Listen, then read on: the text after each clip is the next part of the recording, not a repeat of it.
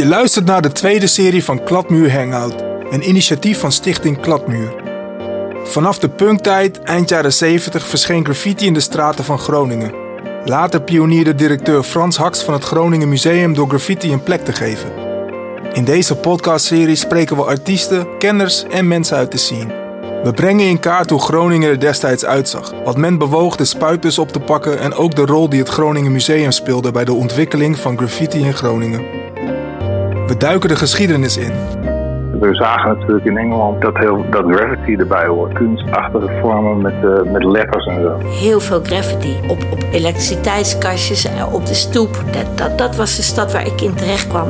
Met je spuitbus of met je stift kon je daar gewoon alles onder koken. Dan ging je, zet je een fiets neer dan ging je op de zadel staan. En dan kon je er nog weer boven. Soms een je wat achter een pallet, die gebruikte je als trapje. Je zette die tekst ook neer in kroegen van cafetaria waar je kwam. Een trein. Dit doen wij even stiekem. Zetten we die, zetten we die graffiti neer. En de kunst leek wel op zoveel mogelijk plekken. Vooral die plekken waar een ander moeilijk bij komt.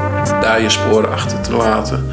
En dan niet alleen in Groningen. Maar nog mooier was natuurlijk in andere steden. In een stadion met een spuitbusverf nog even je naam te zetten. Ja, dat is wel uh, een ding. Ergens 79, toen heb ik 20, 30 tags op dat hele stadhuis gespoten. Daar zag ik gewoon al die tags van uh, de man naast mij, Pinox, Skip 82, Henke, Pilsje, Gonzo, Skip, Scrax, Vanda, Scrappy, Morzel. Robo. Het liefst stond ik gewoon uren te kijken voor die muur naar alle tags die er stonden. En ook gewoon hoe die tags naar me met elkaar communiceerden. Dit is aflevering 1. We gaan terug naar de jaren 80, toen Groningen er heel anders uitzag dan nu. Hiervoor spraken we Eileen Middel, in de scene bekend als Mickey, en Tony Tonkens, a.k.a. Pinox82, in de sfeervol verlichte huiskamer achter Tony's Tattoo Shop. Het was gewoon een periode waarin die prachtige, klassieke, statige huizen niet zo goed onderhouden waren. Het was allemaal gewoon wat uitgeleefd, uitgewoond. Uitgewoond, oud, dichtgetimmerde panden. dichtgetimmerd, gekraakt. Kraakpanden, ja. de, de mensen woonden niet meer boven de winkel, maar de, de, wat boven de winkel was, was leeg. Weet je wel, het was gewoon. Uh, het was gewoon net, net als in alle andere steden, ook in New York of zo hoor. Maar het was gewoon de oude meuk. Het waren roerige no-future tijden met grote jeugdwerkloosheid, woningnood en de Koude Oorlog. De atoombom kon elk moment vallen. Op die onzin kon de punk gedijen. En, en het was een, een periode met, met politieke, politieke woelige tijden en heel veel vrijheid voor de jeugd. Er was voor het eerst ook echt aandacht voor jeugdculturen en jeugdsubculturen. En je had punks en nou ja, wat ik eerder al zei, daar hadden wij niet zoveel mee te maken, maar die waren er wel. Dat, dat was al vrij, vrijheid ten voeten uit, weet je, punk. Dat was vrije, dat vrije uiting. Groningen kende vanaf 1978 tot midden jaren 80 een grote punkscene. Punkers waren initiatiefrijke, ondernemende jongeren. Ze waren tegen de gevestigde orde en hielden zich met van alles en nog wat bezig. Punkers leefden haast in een parallele samenleving. In mei 2021, tijdens de eerste serie van Kladmuur Hangout, schetste de Rotterdammer Red Rat een beeld van de punkscene. Het, het was één groot uh, kunstenaarsparadijs, zal ik maar zeggen. Ja. Je kon daar zeggen van, goh, ik zoek een huis en een atelier. En zei ze, nou, ga je gang, ja. bij wijze van spreken. Dus uh, in die zin was het een hele woeste scene. En was er veel mogelijk en heeft het ook veel mogelijk gemaakt. Want het was niet een kwestie van geld. Maar het was een kwestie dat je elkaar uh, uh, ondersteunde en uh, hielp. En dat je elkaars werk zag en becommentarieerde eventueel. En, en dat je samen bezorgde dat die panden hielden bleven. behouden bleven als hij meekwam. Ja. Dus dat schept ook een onderling solidariteit en band natuurlijk. Want je bent ook van elkaar afhankelijk. En uh, dat was eigenlijk wel heel mooi om te zien dat je in Amsterdam een soort uh, stad in de stad had. Uh, van de kraakbeweging. Die hadden zelfs een groentewinkel en een bierwinkel. En, van de kraakbeweging? Van de kraakbeweging. Een gereedschap uitleen, weet ik veel. bakfietsen kon je lenen, huren. Het was fantastisch. Je hoefde eigenlijk met, met het establishment of met de gewone stad niks te maken te hebben als je dat niet wilde. Je kon eigenlijk volledig binnen die scene uh, functioneren en werken en uh, je vrienden zien. En veel mensen vonden daar onderdak, ook uit het buitenland, vluchtelingen. Dat werd allemaal opgevangen. Ik vond dat heel prettig. Ja. Voor die, dus het was een woeste, een woeste scene. Frank Scholtens, a.k.a. Defect, vertelt ons hoe hij in Groningen met punk in aanraking komt en hoe de scene ontstond. De punk uh, begon in 1977 in Engeland. En toen was ik precies 16. Uh, ik vond het heel interessant, uh, goede muziek. Je hoorde het heel af en toe wel op de radio. Zelf luisterde ik vroeger altijd naar Radio Luxemburg. Kon je in Groningen nog net ontvangen. Daar had ik een speciale antenne voor gemaakt. 20 meter lange kabel over de straat met mijn ouders. En nou, dan hoorde dus al die leuke punknummertjes elke avond. En toen ging ik op zoek, waar, waar komt dat vandaan? Wat is dat? heel andere muziek dan je gewend was. En daarvoor was allemaal hippie muziek, zo maar zeggen. En toen kwam opeens dat. En toen kwam ik erachter dat het uh, uit Engeland kwam. Uh, in Groningen op het station had je zo'n boekhandeltje. Maar die hadden ook allemaal Engelse krantjes. Zoals de New Musical Express en zo. En daar las je dan hoe die bandjes heten en, enzovoort enzovoort. Op een gegeven moment ontstond, was er een winkeltje op het Zuiderdiep. Naast de, waar de kunstacademie is, Minerva. Dat heette Tante Leni. En Tante Leni faciliteerde dat een beetje. Die ging, die ging heel vaak naar Engeland over allerlei andere dingen. En die ging ook naar Engeland toe. En die ging buttons uh, importeren. En wij kwamen daar. Wij leerden daar ook andere mensen kennen. Die ook op de, op de middelbare school zaten. En toen zeiden, zeiden wij tegen ons: kan, je niet ook eh, singeltjes gaan meenemen? Plaatjes die we hier helemaal niet kunnen kopen. Toen ging hij dat doen. En zo ontstond er eigenlijk een beetje een soort subcultuurtje in Groningen. Met als uh, verzamelpunt de trappen op het stadhuis. Biertje halen bij Albert Heijn. Zat in de Herenstraat nog. En zo is dat eigenlijk ontstaan. En er kwamen gewoon steeds meer mensen bij. Eerst uit de, uit de stad, maar later ook uit Hoge Zand, uit Stadskanaal, uit Drachten, uit Duitsland zelfs, uit Oldenburg, Bremen. Het, werd een steeds grotere groep, zou ik maar zeggen. Het was een beetje van uh, do-it-yourself cultuur. Dus we gingen zelf krantjes maken handgeschreven op papier en op stencil of fotocopiëren en dat soort dingen. En ze gingen gewoon zelf op cassettes uh, tapes maken. En die werden dan weer uh, verdeeld. En waar ook, je had ook heel veel niet doorgeeftapes toe. Dus je maakte gewoon een tape met leuke muziekjes. Die gaf je aan vrienden en die zetten er dan weer een nummertje op. Luisterden er een week naar en dan gaven die er door een ander en zetten er weer een nummer op. En dus zo ontstond die cultuur. En gravity was ook een van de dingen van. Uh, we zagen natuurlijk in Engeland dat, heel, dat gravity erbij hoorde. En het was sowieso een beetje kunstachtige vormen met, uh, met letters en zo. Dat zag je al in die, uh, hoe die singeltjes en die LP's en die tijdschriftjes normaal zouden. Dat was heel. ja, het cultuurtje was letters, laat ik zo zeggen. En die werden natuurlijk op een gegeven moment ook door allerlei mensen op de muren geschreven overal.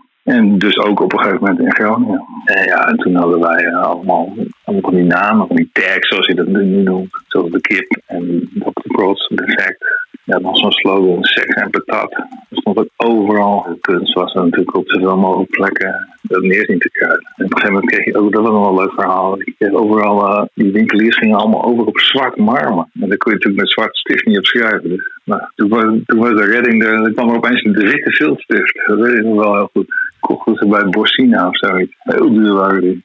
Ja, en het is ook gewoon uh, reclame maken natuurlijk. Hè. Mensen gaan zich dan wel afvragen van wat zit er dan achter? Wat is dat dan? Die tekst, wat betekent dat?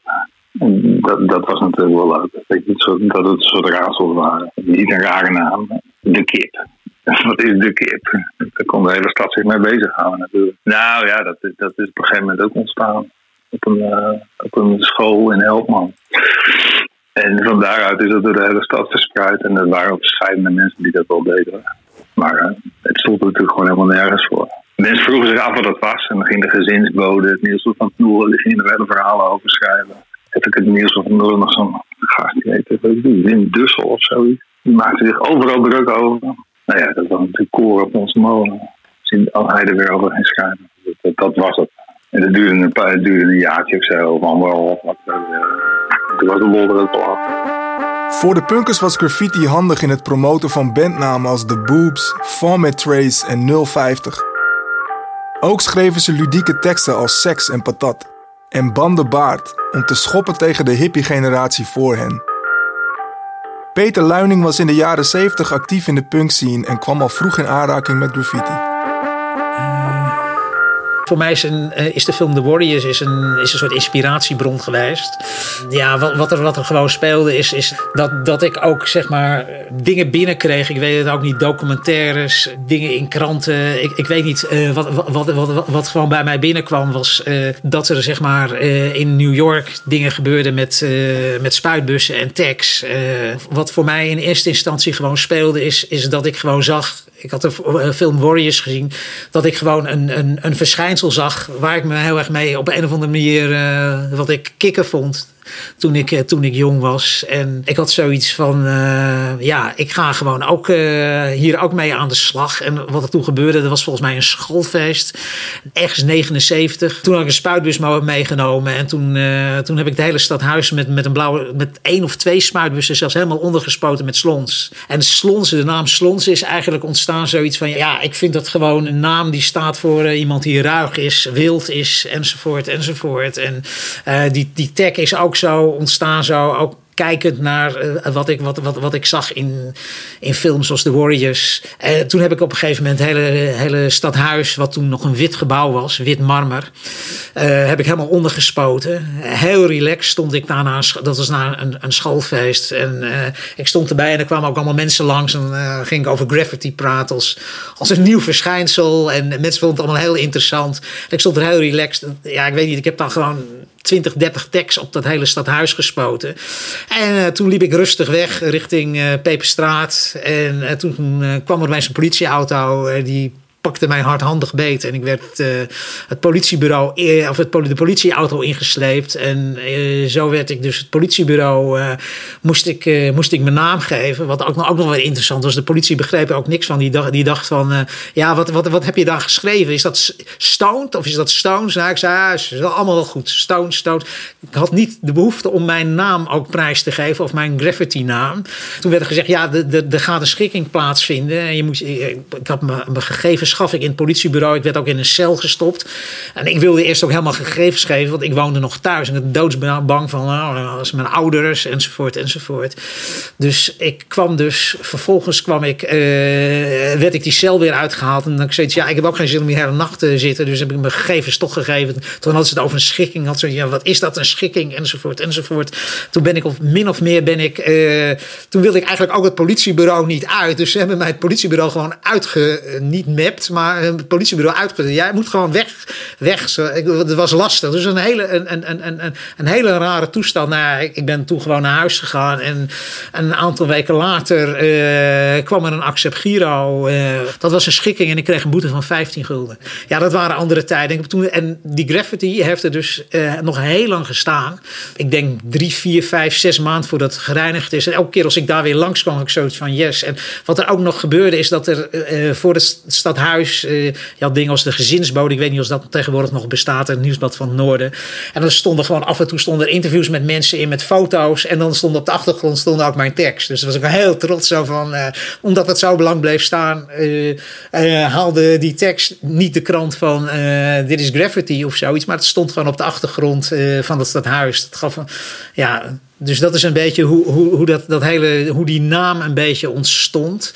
Wat, wat vervolgens gebeurde is, is dat met aansluiting in, in, in zeg maar die, die, die punkbeweging, dan we, praten we begin 80, had ik zoiets van, ik, ik ontmoette daar mensen die fanzines, dus een soort punkblaadjes maakten. En dan had ik zoiets van, ja, dat, dat, uh, dat punkblad, dat, wat is daar de naam voor? Of zoiets van, nou, dat is meteen mijn graffiti naam. Dus dat, dat werd, uh, soort, dat alter ego werd, zeg maar, ook mijn, mijn tijdschrift. En ik ging ook, zeg maar, wat optredens doen onder de naam Slons. Dus je kreeg, het werd dus, zeg maar, op een soort organische wijze werd de tag van Slons, wat een soort, soort, soort alter ego was.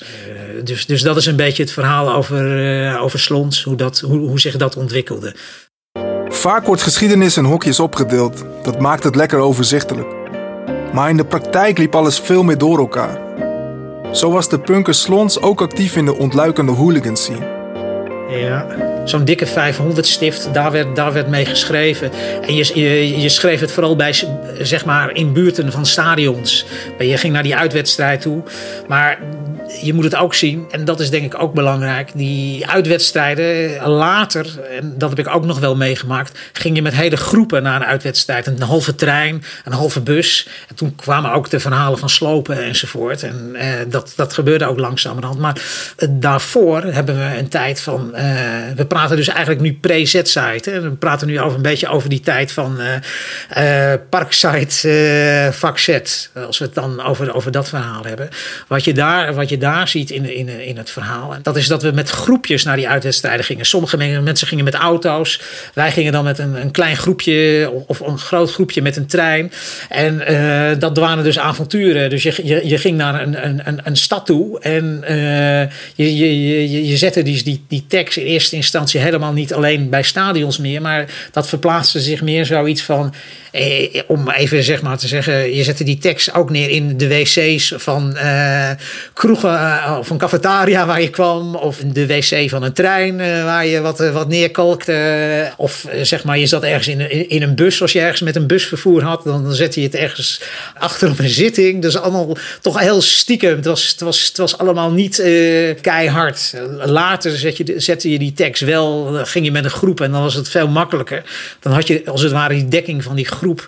En dan zet je gewoon die tekst zet je gewoon neer. Ik bedoel, als je er na een uitwedstrijd, als je het over de Z-site hebt, of Parkside Z, die groep, dat was een, een, een klein groepje. Dat bewoog zich uh, door, de, door de stad en uh, door steden, uitwedstrijden.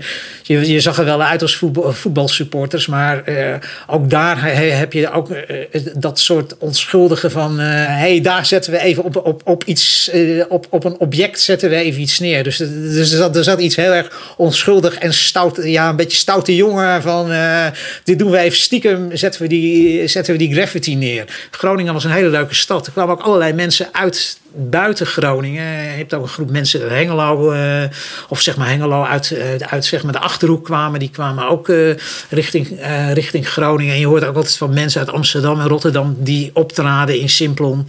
Wat een beetje het, het was van ja, god wat is dat leuk dat Groningen. Dan heb je gewoon studenten en hippies en die stonden daar ook gewoon in het publiek. Het was een, een, een soort sfeer, daar kon ook alles. En je had dus ook verschillende types muziek. Ik zat zelf meer in een soort ja uh, experimentele groep, die heette de Rex. Dat, dat was meer uh, ja, studentico's, uh, mot zou je kunnen zeggen. De mensen, colbertjes aan, enzovoort, enzovoort. Dus dat was een hele ander soort, dat was een soort, soort hele open en vrolijke cultuur.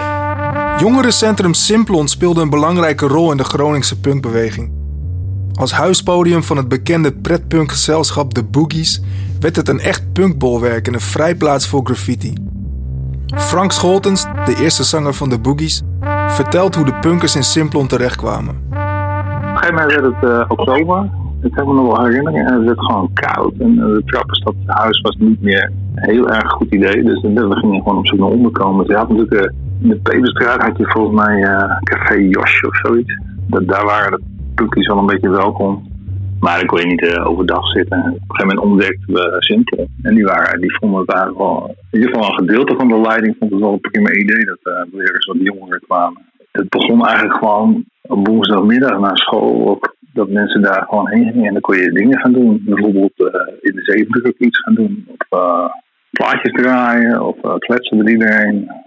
En uh, op een gegeven moment, uh, in 1980 of zo, toen is daar een soort uh, festivalletje georganiseerd. Maar toen was de eerste keer dat er al drie Groningse punkbandjes hebben gespeeld.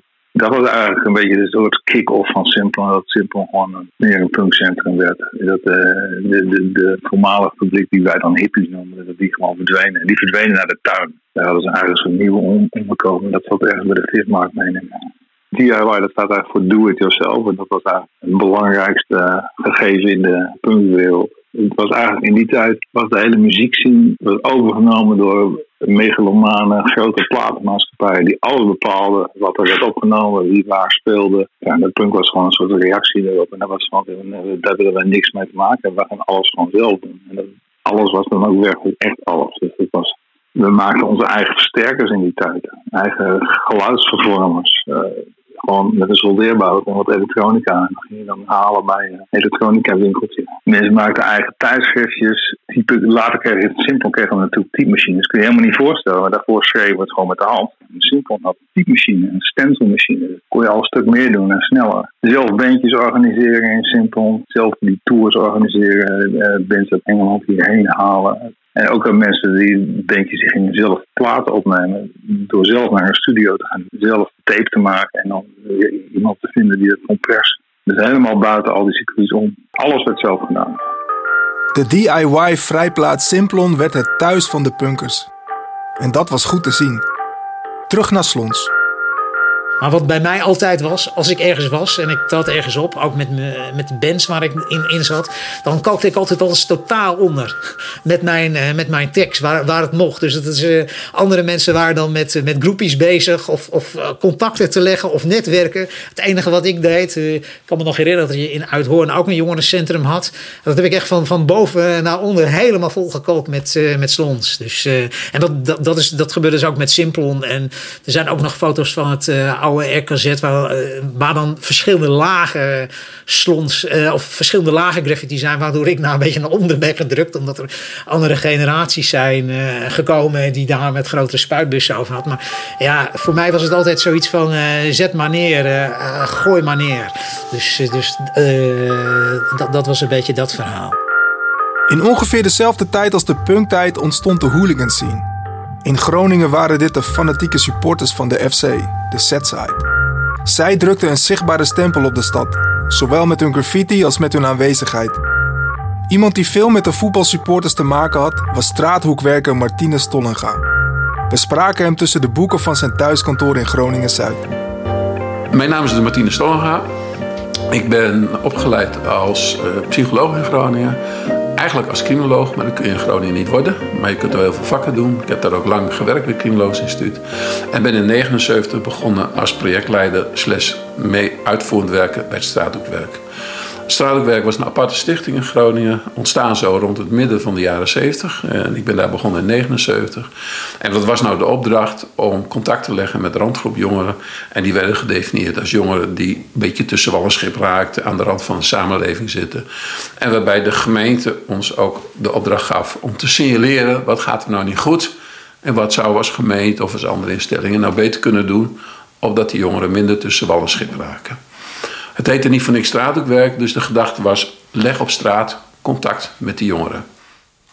Veel van die jongeren waren fanatieke voetbalsupporters. En zo kwam Martinez Tollenga in contact met de Setside. En dat was uh, gelijk een hele grote groep. Die varieerde nogal. Er was een groep die zeg maar, met de wedstrijden meeging naar uitwedstrijden. Er was een nog grotere groep die bezocht thuiswedstrijden. En in de binnenstad hing daar nog weer van alles omheen. Om die kern van de Z-site, zeg maar. En dat bewoog zich allemaal een beetje tussen... ik voel me thuis bij mijn ouders niet zo prettig... en ik zoek aansluiting bij iets anders... tot ik zit al aardig in de criminaliteit... en in die binnenstad kan ik dat eigenlijk gewoon mooi doen. Dus er werden ook allerlei dingen in opdracht gestolen, ingebroken, noem maar op. Dat gold zeker niet voor iedereen in de Z-site... want de groep op zich was niet zo heel erg crimineel. Die Z-site was meer gericht op... A, we zijn fanatieke supporters van FC Groningen. En we moeten dat ook fanatiek uitdragen. En er was een soort competitie parallel aan de voetbalcompetitie tussen de verschillende sites van de verschillende clubs. En die competitie die speelde zich met name in de media af. Wie wist het beste media-nieuws te trekken en goed in de media te komen? De kunst was om ook te laten zien ik ben de baas in mijn stad, maar ik durf ook in een andere stad te komen. Dat deed je door collectief naar zo'n wedstrijd te gaan en daar gewoon keihard FC Groningen te roepen. Zodat die andere min of meer geprovoceerd was, want dat kunnen we toch niet verdragen in onze stad. En dat was ook met ja, overal juist sporen achter te laten. En dat deed iedereen eigenlijk met een bijnaam. Dus je had Gusto, Gonzo, Pinox. En de kunst leek wel om op zoveel mogelijk plekken, vooral die plekken waar een ander moeilijk bij kon, daar je sporen achter te laten. En dan niet alleen in Groningen, maar nog mooier was natuurlijk in andere steden. En daarin was Pinox wel de meest fanatieke, die uiteindelijk daarmee ook nog wel in die tijd toen de media heeft gehaald. Omdat het ook in andere steden opviel. Pinox, wat is dat eigenlijk? Nou, dat was hij dus. Zeer fanatieke taggers. In de jaren 80 kon je niet om Pinox heen. En samen met zijn maten was hij overal in het Groningen straatbeeld aanwezig. Daar zag ik gewoon al die tags, weet je, zoals van eh, de man naast mij eh, op dit moment van Pinox, maar ook van al zijn tijdsgenoten. Dus echt gewoon zo die graffiti-generatie voor mij. Eh, Skip 82, Henke, Spilsje. Ehm, nou, no- noem ze maar op. Gonzo, Gonzo, Skips, Cracks, Vanda, Scrappy, ja, Morzel. Robo. Ja. Ja, te veel om op te noemen. Het was echt heel veel graffiti. Op overal, op, op elektriciteitskastjes, eh, op de stoep, maar en op blinde muren, op zelfs een beetje op rolluiken toen al. Hè? Die rolluiken van, eh, daar begon het een beetje. Herenstraat, ja. Ja. En eh, dat, dat, dat was de stad waar ik in terecht kwam. Graffiti was voor de setsiders een competitieve sport.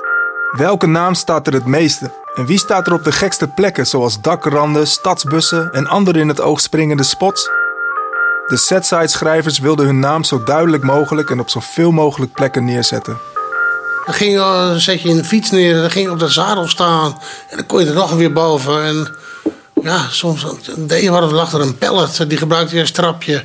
En ja, allerlei dingen om, maar hogerop een, een container. Die duwde je dan ergens heen. En dan, dat waren met die, grote ijzeren bakken met die kleppen erop. Die al vol met verf stonden. Die duwde je ergens naar de muur. Je.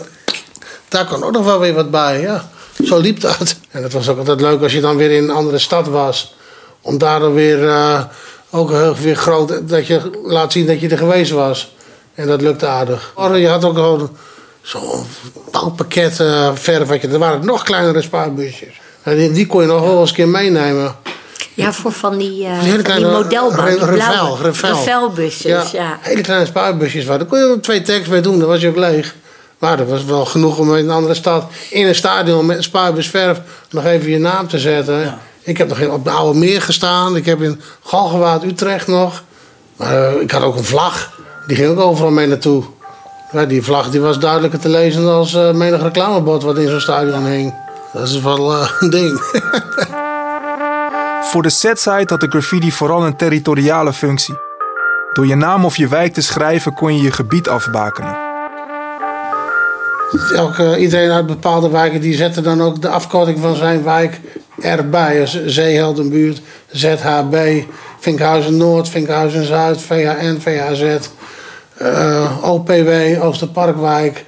Ja, dat werd, dat werd allemaal wel benoemd. GO, Groningen Oost, Ah, OHB, Oosterhogebrug. Oosterhogebrug, OHB. Die, die ook, KV, dat- dat- kost verloren. ja, eh, OHB had ook wel een fanatieke groep schrijvers. Die Ja. waren altijd wel bezig. Ja, OHB was echt Ja. wel, eh, ook, ook in de stijltijd. Dus na de, na de hooligan-tijd, maar de OHB die... eh, Ja, die waren jongens, wel, die eh, waren goed- wel goed- die waren echt goed bezig, bezig. met veel kleuren en opdrachtjes in de stad proberen te scoren op rolluiken en zo. Het liefst stond ik gewoon uren te kijken voor die muur eh, van het, peper, het pepergasthuis naar alle tags die er stonden. En ook gewoon de, de soorten van, van hoe die tags naar me- met elkaar communiceerden.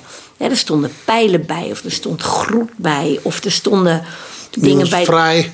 Ja, Als er weer iemand vast zat, of er stond iets dat, er, dat hij er weer was, back in town, of dat soort. Ja, ja dat Ja. was een soort app op de muur. ja, on top. Ja, het was Ja, echt. het, het hoogst. Het was. eh, Dat een hit. het was eigenlijk, je kan het nu vergelijken met een soort van social media. En ik wou het liefst gewoon in de Peperstraat staan de hele dag om al die tags te lezen en te begrijpen. Ja, Peperstraat was echt gewoon het epicentrum van de, voor alle- mij. en van alle gewoon- steegjes die ja, er, eh, En de steegjes en de, dat stukje tussen de Oosterstraat en de Peperstraat aan het begin. Peperdwarsstraat. Kleine Peperstraat. Ja, Ja, daar zat ook van alles. Had je ook zo'n Ja. parkeerding, had je Oh, daar. dat was daar kon je naar binnen. zoveel. Nou, nou, ja, maar ik bedoel, Peperstraat, ik mocht, er, ik mocht er niet komen van mijn ouders. Omdat ze dachten dat daar echt Sodom en Gomorra plaatsvond. En ik was natuurlijk gewoon ja, veer, dertien, Ja, veer, jong wat, hoe meisje. oud was ik? Ik was kind. echt gewoon, ik was een kind. En ook nog echt... Nee, en ik was ook echt gewoon nog niet door het leven, door de, door de wol geverfd, laat ik zo zeggen. En, ehm, maar die, juist die graffiti. En ik dacht, ja, toen ik besloot om graffiti te gaan spuiten, ja, dan moet mijn naam daar ook bij. Niet iedereen was zo enthousiast als Mickey over het geklad op straat. Zo is te horen in deze reportage van OogTV uit 1985. zie ik uh, allemaal teksten en uh, schilderingen. Wat vindt u ervan? Nou, ik vind de, op zich vind ik de schilderingen geweldig. Ik begrijp alleen niet goed wat ze op ons pand doen en waarom uh, bepaalde mensen menen aandacht te moeten richten op hun problemen via mijn gevel. Ik denk dat daar best andere mogelijkheden voor zijn. Denkt u ook dat er minder mensen uw winkel bezoeken hierdoor? Ik denk op zich niet dat uh, minder mensen onze winkel bezoeken. Ik ben wel van mening dat uh, door de totaliteit in de binnenstad van deze smeertoestanden een groot aantal mensen zeggen ik vind het niet prettig meer, het doet mij niet gezellig meer aan. Hebt u enig idee welke mensen dat niet prettig zouden vinden? Of denkt u dat iedereen het niet mooi vindt? Ik denk dat behoudens degene die het doet, de rest dat op zich niet mooi vindt. Ehm, ik denk wel dat vooral de wat oudere mensen het als, als bedreigend voelen. Ik begrijp soms, probeer soms ook best te begrijpen wat er achter, achter zit. Maar ik denk dat er andere plaatsen voor zijn om dat soort dingen kenbaar te maken. Maar blijf af van, van, uh, van privé dingen. Uh, wat ik me af, zelf afvraag, uh, welke mensen op muren schilderen. Hebt u enig idee wie dat zouden doen? Ja, dan moet ik het oude vaderlandse spreekwoord aanhouden, hè? van gekken en dwazen. Ik denk dat dat niet helemaal waar is. Er is een algemeenheid, het, het, het smerige karakter wat vooral de binnenstad ervan krijgt, uh, wordt door, en dan moet ik dat een beetje, uh, denk ik namens alle middenstanders zeggen, toch als erg onplezierig ervaren, zonder meer. Graffiti was onderdeel van de grimmige jaren 80. In aflevering 2 hoor je hoe het zich vanaf daar verder ontwikkelde donker, wild. Die bendes die hadden allemaal mop met elkaar. Binnenstadbenden met Pinox. Ik was natuurlijk geïnspireerd door de graffiti die gemaakt werd door de jongens van de Z-site. Al die culturen werden wel steeds heftiger. Gewelddadigheid. En wat er zeg maar, in de mensen verder omging, daar wisten wij heel weinig van vrij goed te lezen, met hoofdletters geschreven, oh je naam schrijven. Maar het was echt ontzettend uh, waanzinnig mooie tijd. Hip-hop kwam toen voorzichtig naar Nederland. Ongelooflijk mondiale ontwikkeling. Nu wordt er veel meer over nagedacht hoe dat allemaal moet lopen. Dat had ik toen niet.